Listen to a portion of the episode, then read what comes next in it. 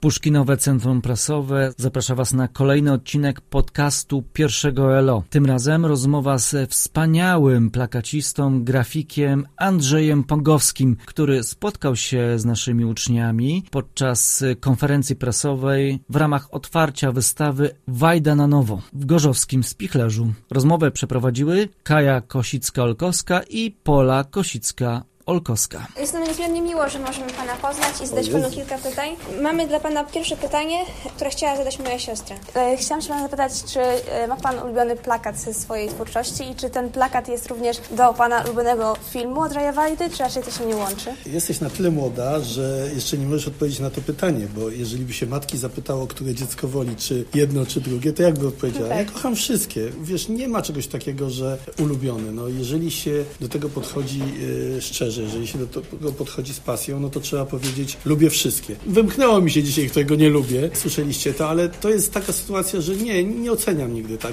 Oczywiście są takie plakaty, które mnie kręciły przy robieniu. E, Są takie plakaty, które mnie wykończyły przy robieniu. Pamiętam, że na przykład rzeczywiście tu mi się strasznie ciężko piłowało ten plakat i robiło, a efekt taki czy inny. Ale czy lubię ten, czy bardziej, to mówię, zawsze to powtarzam, że matka nie powie, które dziecko bardziej lubi.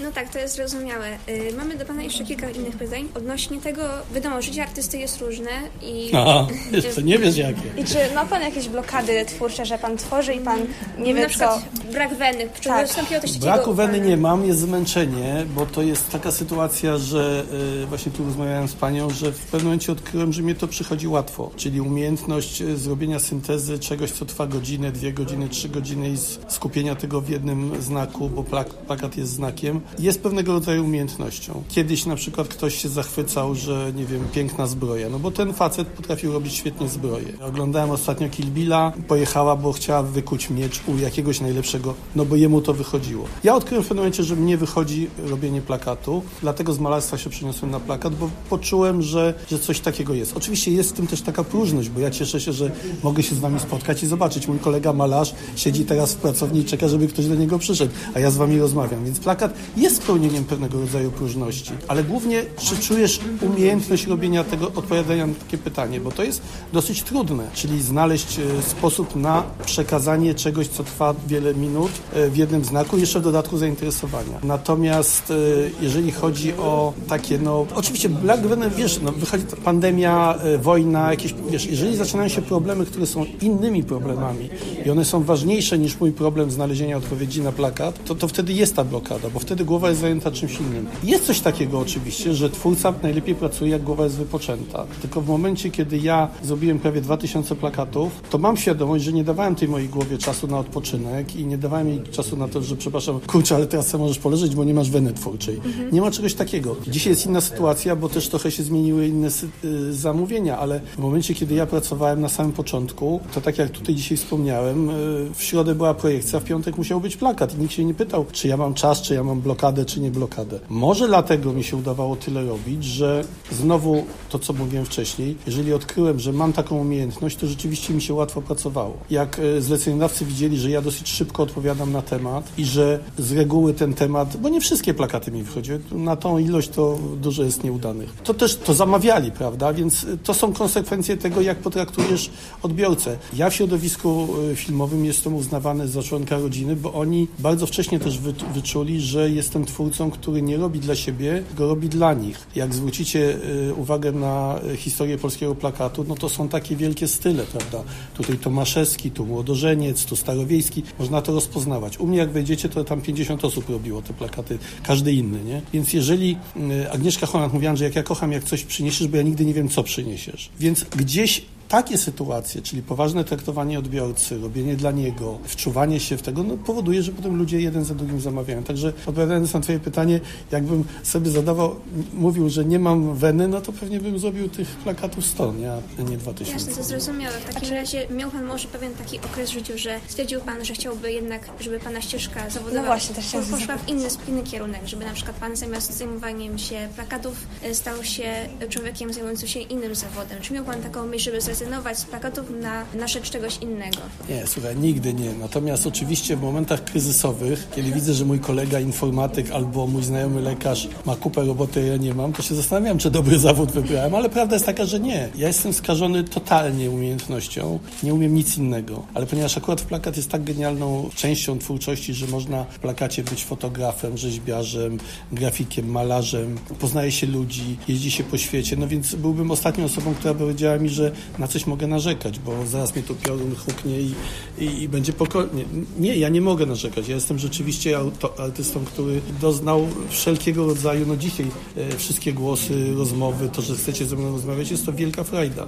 Ja wspominałem, że cały czas z, z racji e, niezdrowego zawodu walczę z kręgosłupem. Jak wsiadłem w samochód jadąc do Gorzowa, to od razu mi wszystko przestało boleć. Jest to adrenalina, na której się żyje. Więc jeżeli ta adrenalina cię nakręca i, i, i, i lubisz to robić, no to nie można narzekać. Natomiast czasami oczywiście przychodzą do głowy takie rzeczy, może piekarze, zawsze ludzie kupują chleb, nie? No właśnie, a propos takich czynności, to ma Pan jakieś na przykład inne zajęcia, hobby, które Pan lubi sobie... Wiesz co, nie mam czasu specjalnie na to. Oczywiście y, bardzo dużo słucham muzyki, oglądam dużo filmów różnych. Y, to też jest dziwne, że oglądając to, co mam do obejrzenia, jeszcze mam czas na inne filmy. Ale wiesz, ja śpię po 5 godzin, y, mój dzień jest o wiele dłuższy. Kładę się spać koło trzeciej, więc... No życie artysty, tylko to tak, powiedzieć. więc to jest po prostu... Natomiast na pewno takiej ilości pracy nie robi się balangując i, i bawiąc. Oczywiście święty nie byłem e, na początku, ale teraz bardziej cenię czas i, i sytuację. O wiele dłużej mi się teraz pracuje niż kiedyś. Ja mam metodę pracy taką, że siadam do pracy i robię.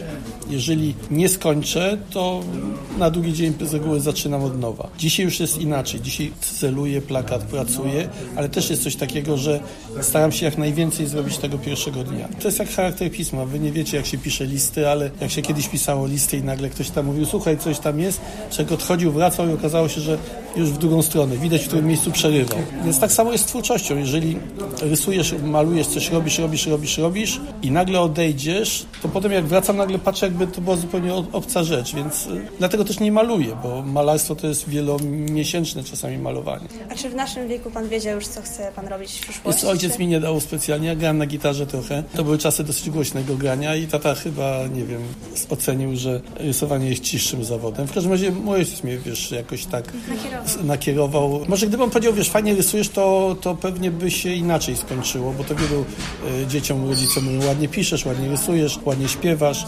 Natomiast on mnie woził na, wiesz, na konkursy, na różne takie te i nagle ja poczułem tą adrenalinę współzawodnictwa. Ale myślę, że wielkim zaskoczeniem było dla niego, jak się zdecydowałem pójść na akademię, bo chyba myślał, że to jest moje hobby, a będę nie wiem kim innym. Natomiast no, zaskoczył się. Nie, nie miałem w ogóle wyboru. Ja od początku wiedziałem, że tylko to. Y, Jeszcze jedno może pytanie, bo wiemy, że jeszcze pewnie dużo osób chciałoby Pan porozmawiać, to może y, jak Pan ocenia współczesne plakaty, takie, które stworzą y, młodzi ludzie, czy ma Pan jakieś swoją opinię na ten temat, czy... Oczywiście, że tak, ja to bardzo mocno obserwuję, siedzę w tym. Uważam, że jest masę wspaniałych twórców. Jedyny błąd, jaki popełniają, to tożsamość narzędzia. Wielu twórców pracuje w, pracuje w grafice, wektorowej, co tak naprawdę likwiduje charakter pisma. Jednak jak pracujesz ręcznie, ja od 15 lat pracuję elektronicznie, ale traktuję tablet jak kartkę papieru. Pracuję pędzlami elektronicznymi, pen, farbami elektronicznymi, ale cały czas robię tak samo, nie ma znaczenia, czy ja umoczę na kwadraciku, który się nazywa czerwień, czy ja umoczę w słoiku z czerwoną farbą,